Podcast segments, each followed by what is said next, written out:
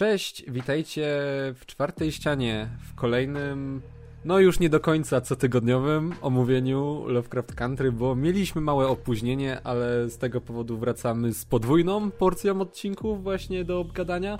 I dzisiaj, jak zwykle, jest ze mną Paweł. Siema. I tak jak mówię, mamy dwa odcinki do omówienia, bo o ile oba z nich dały naprawdę dużo tematów do dyskusji i nie łączyły się jakoś specjalnie ze sobą, tak żeby w jednym kontekście je omawiać, to ciężko byłoby gadać przez jakieś bite 20 minut o każdym z nich, bo no nie da się ukryć, Lovecraft Country to co, coraz bardziej jest antologia i z każdym kolejnym odcinkiem i to mi się osobiście bardzo podoba. Nie, no ja nie uważam, żeby to była antologia z każdym kolejnym odcinkiem. Nie, totalnie nie. Przecież mamy cały czas te wątki wspólne, które nam to wszystko łączą. I cały czas mamy prowadzenie tej jednej, jakby w miarę spójnej historii. E, a to, że mamy skupianie się na jakby różnych bohaterach, na różnych bohaterach w różnych odcinkach, no to jest akurat spoko zabieg, no bo poznajemy te wydarzenia jakby z perspektywy kilku, kilku osób i to jest spoko. Natomiast nie nazwałbym tego w dalszym ciągu antologią. Wiesz co, no... Co, co, co wiesz, co nie zmienia faktu jakby, że ten odcinek siódmy i ósmy były całkiem spoko. Znaczy, no to już zależy od punktu widzenia, bo na przykład odcinek siódmy moim zdaniem był całkiem w porządku. Ósmy w ogóle tutaj e, wszelkie oczekiwania przebił, bo no no, nie miałem szczególnie dużych oczekiwań, okazał się, no w tym rankingu moim osobistym to wylądował zaraz pod pierwszym czy drugim na przykład i to było właściwie to, czym chciałem, żeby Lovecraft Country było od początku, czyli po pierwsze tym festiwalem dziwaczności połączeniu z tym, co w Lovecraftie kochamy najbardziej, a do tego z fajnymi postaciami o których los będziemy się chociaż trochę martwić, a no, wcześniej do końca tego nie było. Znaczy ten odcinek szósty się tam jakoś yy, wybił ponad to, ale to też dlatego, że to była kompletna zmiana otoczenia i reguł gry. To prawda. To prawda i w ósmym mam wrażenie, że też troszeczkę ten temat pociągnięto. Zresztą pewnie wiesz, co mam na myśli, które sceny i którą postać. Tak, i na, nawet y, przy okazji omówienia odcinka szóstego zastanawialiśmy się, że w jaki sposób tutaj e, pewne kwestie są nam rozwiązane i myśleliśmy, że no, może w finale to wróci na sam koniec, a to wraca już w ósmym odcinku, więc e, no, prze, przeskoczyli nas troszeczkę. E, natomiast tak gadamy już o odcinku ósmym, więc trochę wybiegamy w przyszłość, a no na początku warto byłoby się zatrzymać na odcinku siódmym. Odcinek siódmy pod tytułem I am, czyli jestem. I jaki ja po tym odcinku jestem? No na pewno skonfundowany, ale najpierw chciałbym znać twoją opinię. Dla mnie ten odcinek równie dobrze mógłby się nazywać Dr. Lovecraft in, in Multiverse of Madness jakby. No, dokładnie takie samo odczucie, nie? tylko, że, tylko, że tak jak od połowy odcinek był fantastyczny, tak do połowy nie działo się tam nic i była nuda. I całościowo wyszło spoko, natomiast też to był bardzo nierówny odcinek, tak samo jak, stoi, jak cały Lovecraft Country jest bardzo nierównym serialem w ogóle.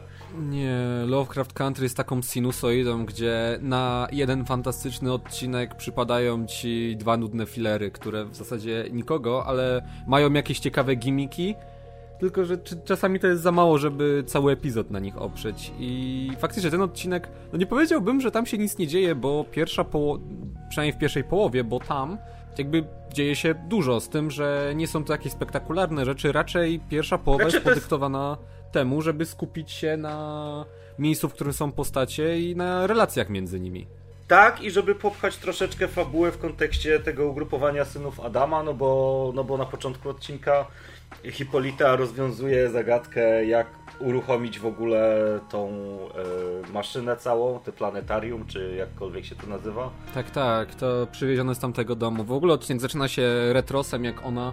No, wiemy już dokąd e, pojechała razem z Dee, a w międzyczasie Atticus odkrywa to, co my odkryliśmy odcinek wcześniej, czyli że jego ojciec jest e, homoseksualistą. I to była bardzo mocna scena, moim zdaniem. Tak, to prawda, to było spoko, spoko nakreślone i dosyć mocne, natomiast też bez, bez, bez jakiegoś wielkiego szału, bez jakiegoś wielkiego zachwytu, ale, ale doceniam, że jakby ten wątek dosyć fajnie wpleciono.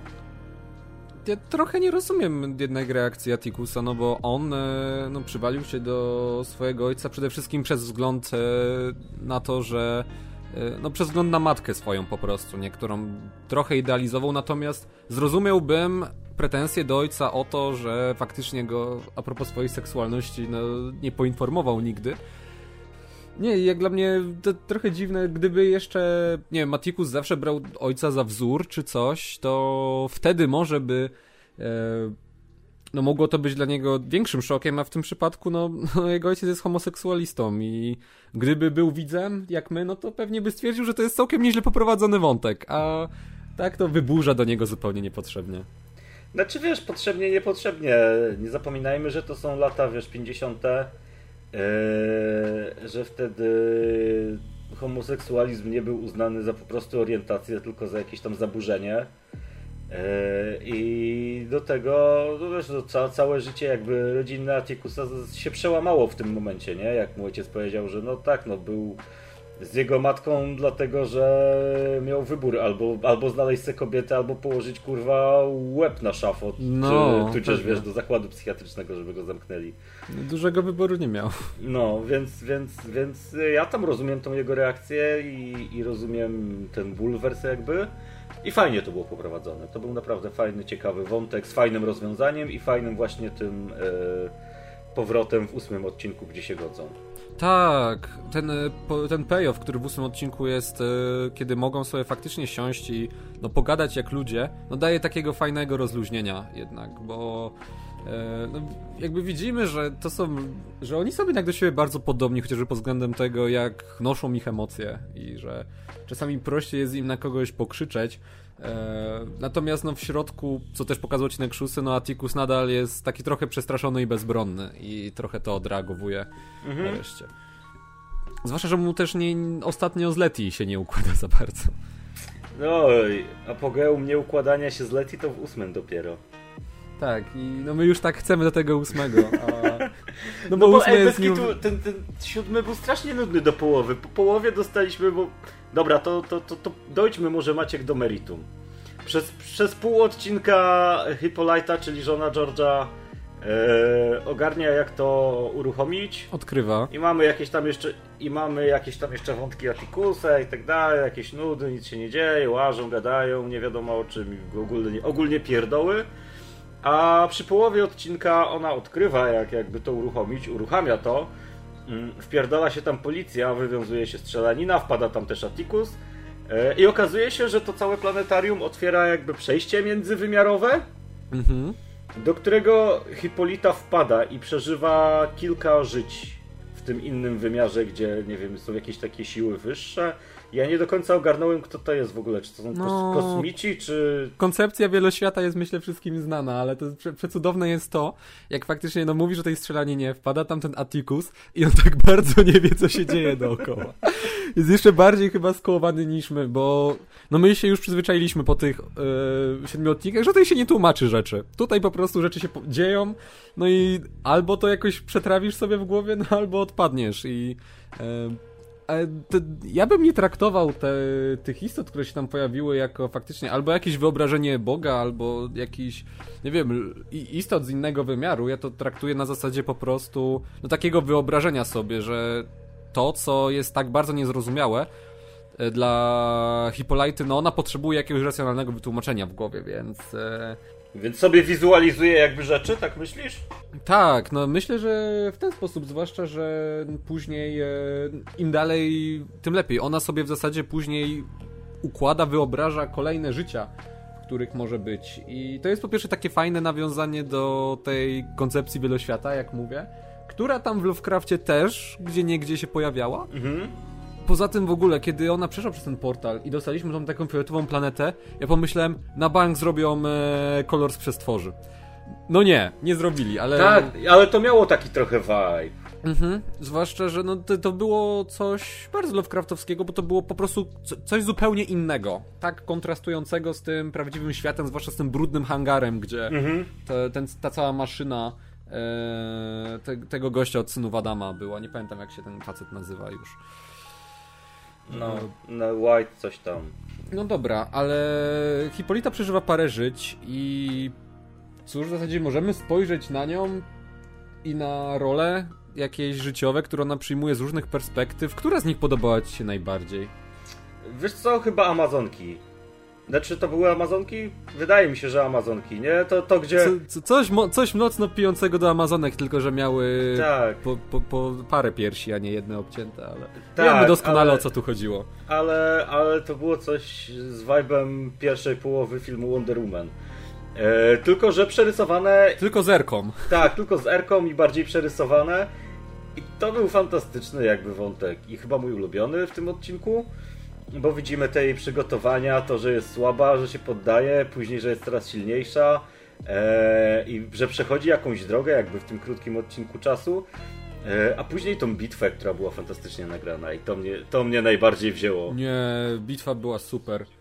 Bitwa była super i z jednej strony tam był chaos, ale z drugiej strony udało się to wszystko ładnie pokazać i to było z jednej strony epickie, a z drugiej takie kiczowate strasznie i od kiedy tylko na trailerach widziałem e, właśnie kobiety w tych e, e, mocno afrykańskich jednak strojach, nie?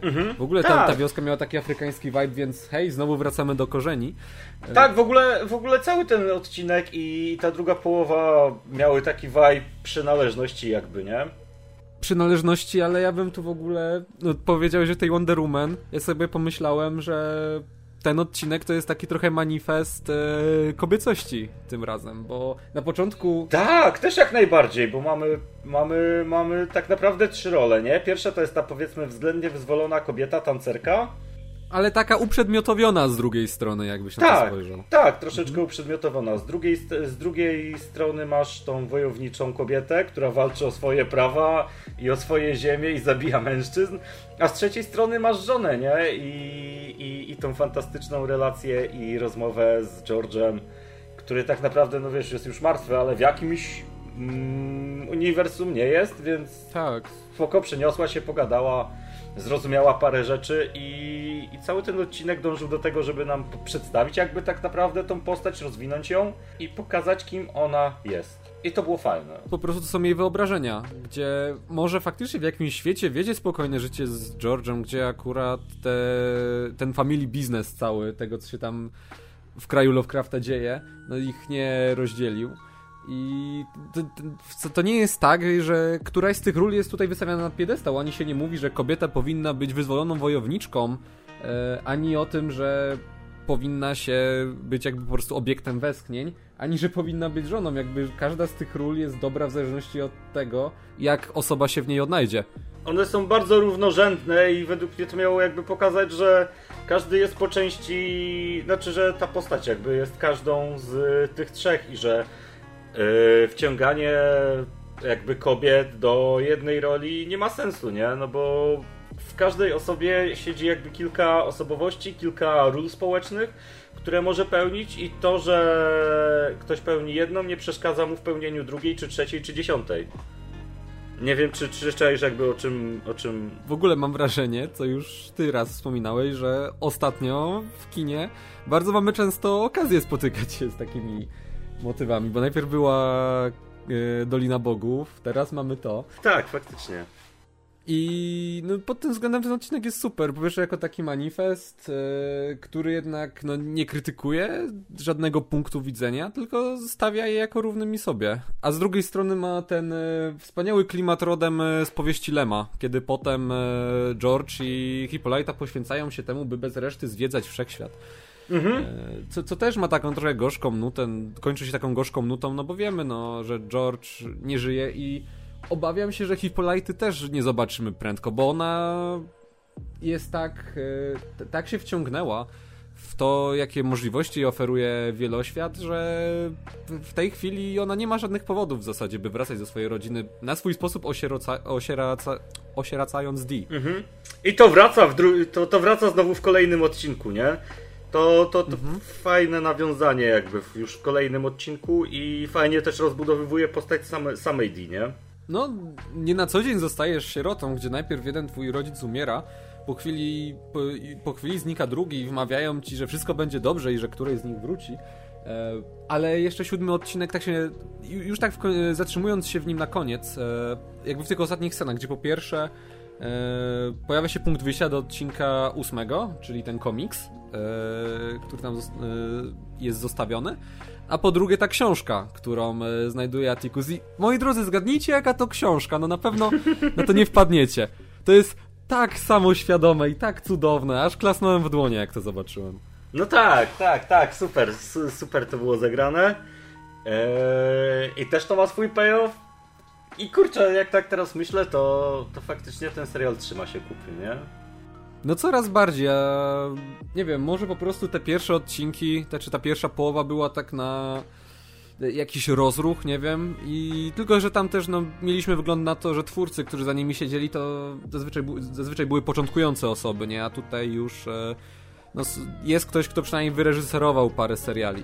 No tutaj miał nieco większe pole do popisu i pewnie miał, mieli lud... ci, którzy tworzyli te odcinki mieli pewnie pełną swobodę, a Jordan Peele i J.J. Abrams tam tylko doglądali, czy hajs się zgadza, chociaż tutaj przechodzimy do odcinka ósmego, gdzie no tutaj już bym e, się z tym do końca nie zgodził. Więc e, odcinek ósmy. Czy też masz wrażenie, że wyreżyserował go Jordan Peele? Tak, totalnie. Ej, to była pierwsza w ogóle myśl moja, jak pojawiły się te dwie creepy dziewczynki.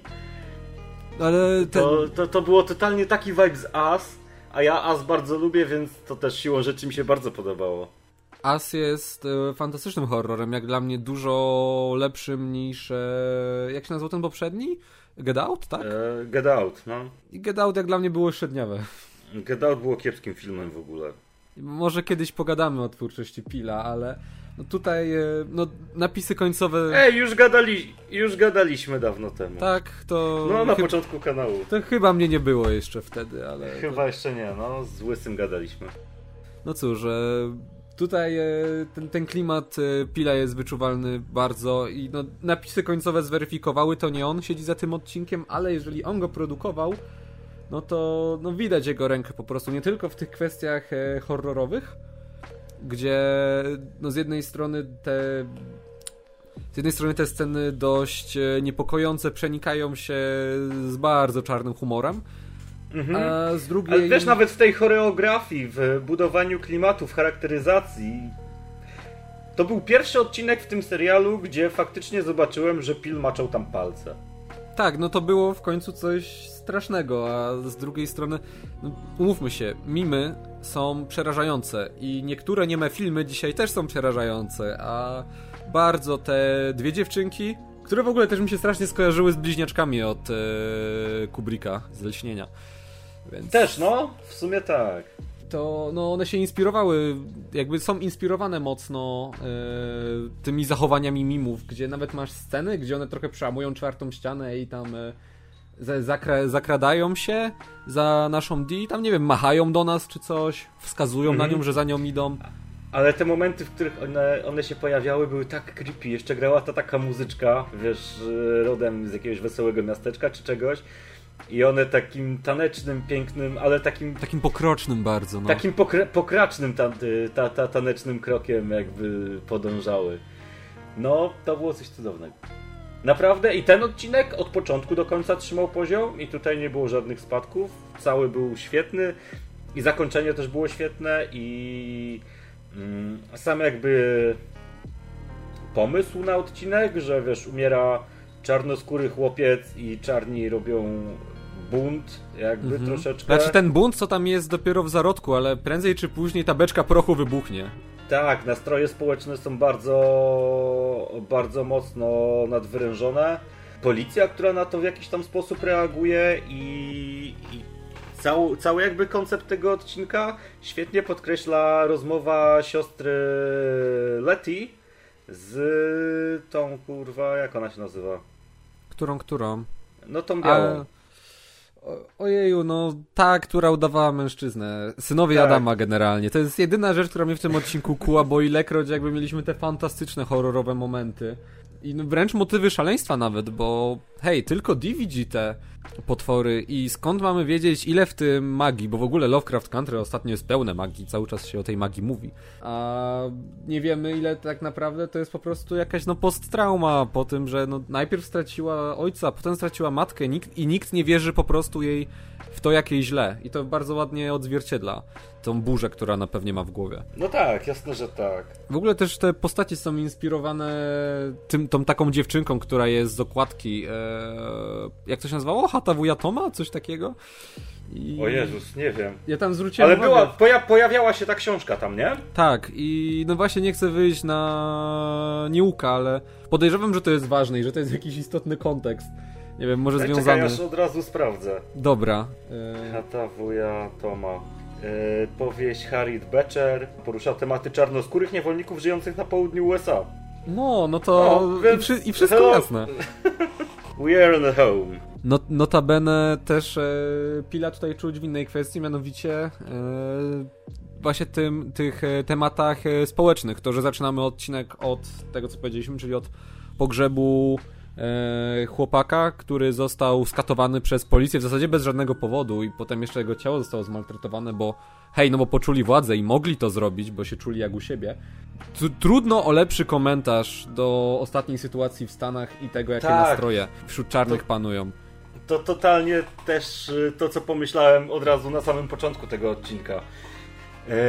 I faktycznie myśmy akurat o tej sytuacji w Stanach rozmawiali w kontekście Watchmen, mhm. ale tutaj no mamy już totalnie wprost jakby in your face, że to jest komentarz do, do, do tej konkretnej sytuacji. Te...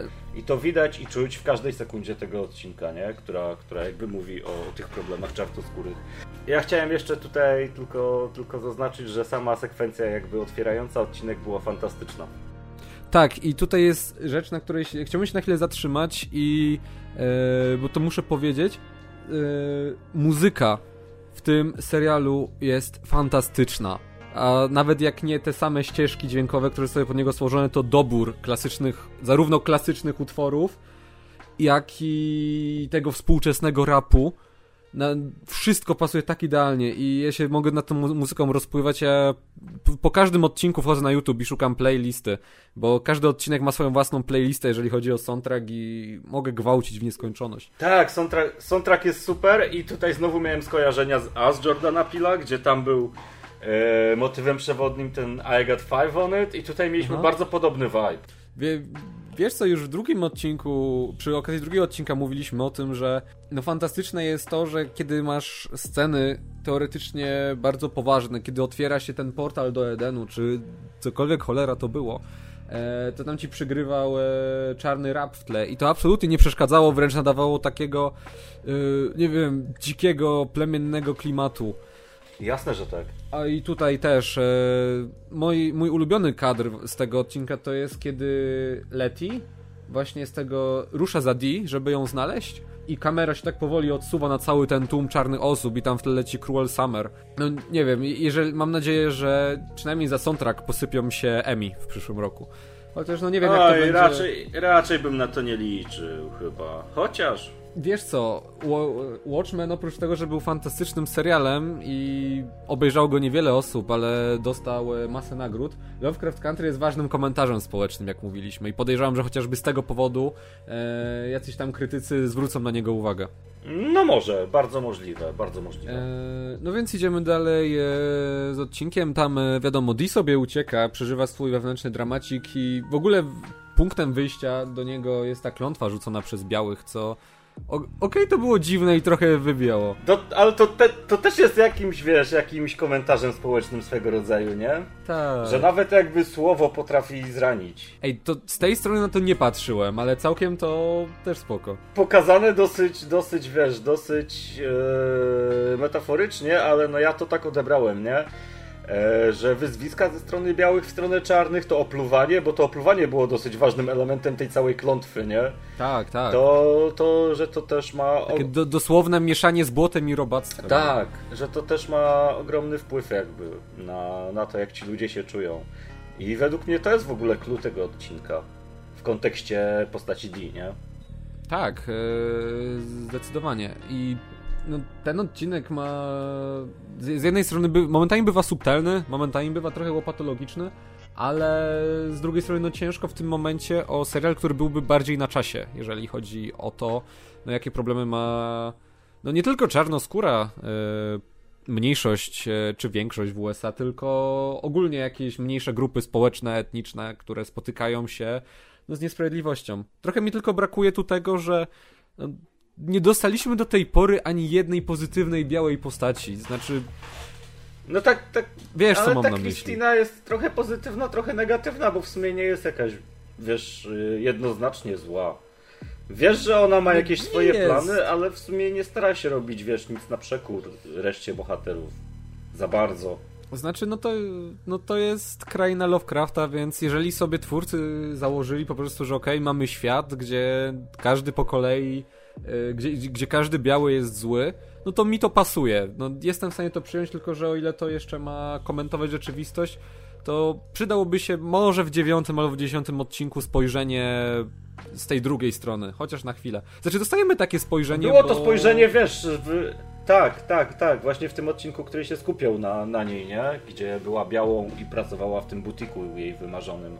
A w tym odcinku to też wraca motyw tego, że ona jednak lepiej jest w tej, jej w tej białej skórze przez warunki, w jakich no, żyje i trochę nie ma wyboru. A to też jest punkt wyjścia do najdziwniejszej i najobrzydliwszej sceny seksu, jaką mieliśmy. Tak. No. O, fuck, to, to było mocne. Ale była, była, Była super. super i Była, total, była totalnie super. Wyglądała jak coś, co mógłby zrobić wczesny Cronenberg. to, to było takie też obrzydliwe i krwawe. E, A, a przy okazji to też nie było dziwne jak na ten serial. No przyzwyczailiśmy się, że co chwila jakimś kolejnym szalonym pomysłem nas zaskakują. A tutaj ich było trochę, jakby poprzed, poprzednie odcinki opierały się na tym, że był jeden pomysł, który eksploatowano do samego końca. Na przykład czwarty odcinek nabijał się z kina nowej przygody, potem w piątym siostra e, Leti najpierw wchodziła w ją skóra, potem ją zrzucała. A tutaj jest masa tych pomysłów, bo i jest kwestia ta społeczna, i wraca właśnie motyw z tą skórą, w której żyje, i wraca. I wracają szogoty nawet na koniec. E, Tak, to było super. Pię piękna scena. No i wraca też Koreanka, nie? I No to, właśnie. Jak, to jak rozwiązali ten wątek, to było w ogóle Mistrzostwo Świata. Że ja przy, się poczułem oszukany. przy, przyjechała i mówi, że no Atikus umrze i w ogóle i wiesz, pogadała sobie chwilę z Leti, przyszedł Atikus i dobra, to tam jest chuja warte, ja sobie idę rzucić na siebie urok, a ty wypierdalaj. No i No właśnie, taka a- smutna elo. Atikus jej mówi wypierdalaj, po czym Leti mu mówi wypierdalaj, więc no... Ciężka sytuacja. Tak, ale, ale koniec końców, ale koniec końców Letty jakby za nim biegnie, nie? I próbuje go jakoś powstrzymać, tudzież zrobić coś, żeby mu się bardziej udało. I też dostaje, też dostaje to znamię jakby nietykalności. Tak, a dla odmiany Atikusa wspiera ojciec, na którym Atikus od e, paru odcinków się non-stop wyżywa, więc to też jest e, niemałe poświęcenie i no wiemy trochę z czego wynika, bo dostajemy dostajemy twist z tą książką, który, tak jak powiedzieliśmy, jest strasznie samoświadomy i z drugiej strony e, no, tak banalnie prosty, że Atticus, który jakby to wszystko przeżył, e, opowiedział to, opowie to w przyszłości swojemu synowi. Później e, ten syn to spisze jako książkę, którą wyda i potem na jej podstawie ktoś nakręci serial o tytule Lovecraft Country, który będzie puszczany na HBO. Znaczy nie, to nawet, nawet nie Atticus, tylko bardziej Letty, która to przeżyła, opowie to swojemu synowi, dlatego że Prawdopodobnie Atticus umrze. e, Atticus umrze. No tak, a no Letty jest zaciążona już, to wiemy, nawet e, Atticus też wie, chociaż Letty chyba stara się, żeby się nie dowiedział. Chociaż on też dopiero... No Atticus wie, bo przeczytał, Atticus wie, bo przeczytał książkę, a Letty wie, no bo, bo wie, nie? Ale bezpośrednio mu nie powiedziała. Chyba trochę się domyślał, bo jednak e, na tym pogrzebie dał jej na przykład swoją wodę, nie? Tak. E, I okej, można to wytłumaczyć, że to po prostu była troska, ale Ja bardziej tu się dopatrywałem tego, że no, e, było ciepło i każdemu chciało się pić i było mnóstwo ludzi, więc tym bardziej było ciepło, e, ale ty się źle czuła, nie? Ona to tam gdzieś tam bezpośrednio mówi, że jest jej słabo dosyć. No więc tutaj Atikusowi się powinna czerwona lampka zapalić, tylko szczerze on jest naiwny, że sądzi, że no to będzie, że faktycznie jego syn to wszystko spisze, więc okej, muszę się ochronić, żeby mój syn przeżył, no może on sobie, może on myśli, że Letty jeszcze nie jest w ciąży. Może on sobie zakłada, że nie, on tam mówi chyba, że Letty jest w ciąży i to przede mną ukrywa. Było coś takiego. Ale wydaje mi się, że mu nie powiedziała, tylko wie to dlatego, że sobie tą książkę właśnie przewertował. Tak. W ogóle Letty, będąc w ciąży, jest narażona na ciągły stres, bo co chwila coś się dzieje i tu nagle jakaś koranka przyjeżdża. W ogóle mamy potwierdzenie tego, o czym gadaliśmy, że Letty i Gia wyglądają, no, są bardzo podobne do siebie, jeżeli chodzi o typ urody. Tak, tak, zgadza Atticus ma swój typ. A sądzisz, że Gia wróci jeszcze? Yy, myślę, że mogłaby wrócić. Chociaż nie chciałbym tego, bo to było fajne skończenie tego wątku. To mi się bardzo podobało, że to nie było, wiesz, jakieś rozwleczone czy coś, tylko no dobra, powiedziałaś co miałaś powiedzieć, wypierdalaj, bo jesteś jakimś demonem, kurwa, koreańskim. No nie ma już dla ciebie miejsca w moim życiu, nie? Jakby tak, za dużo czasu tak. To był bardzo fajny payoff. Naprawdę bardzo fajny. No i właśnie fajnym payoffem jest też ta e, rozmowa później Atikusa z ojcem, gdzie ojciec stwierdza, że okej, okay, to przynajmniej chce uchronić mojego syna i nienarodzonego jeszcze wnuka. I no. rzucają, no. zak rzucają zaklęcie, kolejne fajne przełamanie, bo hej, rzuciłeś to zaklęcie? No, no, ja nie wiem, nic się nie stało. No ale później widzimy, że się jednak stało, nie? Bo jak Atticus jest w niebezpieczeństwie, to z podziemi wyskakuje Szogot, który rozrywa w ogóle cały zastęp policjantów na strzępy. Robi rzeź, tak. Bo ci policjanci zaczynają pruć do domu Letty z y, pistoletów i to te, też bardzo ładna scena. W ogóle dużo jest akcji w tym odcinku, nie jest tak, że jest jej tylko pod koniec, bo zazwyczaj to było tak, że cały odcinek się ciągnął, po czym mieliśmy boom na koniec. A tutaj y, są i momenty, kiedy można na, wiesz, wiesz, na jakąś refleksję i zastanowienie się, co chcą nam twórcy przekazać, a z drugiej strony są też momenty pełne akcji czy napięcia. Jak ta ostatnia scena, w której e, ojciec Atikusa, tak, bo to on pojechał za Di finalnie i nie jest świadomy tego, że ona sobie świetnie radzi z tymi my tak właśnie gadamy, gadamy i chwalimy te dwa odcinki, więc e, czy w takim razie możemy stwierdzić, że serial dobił do momentu, kiedy jest dobry? Nie wiem. wow. Nie, serio nie wiem. No bo tak do, do tej pory sumarycznie mieliśmy co? Pierwsze dwa super, później kolejne trzy kiepskie i kolejne trzy super. Tak. W tym momencie możemy powiedzieć, że serial jest dobry.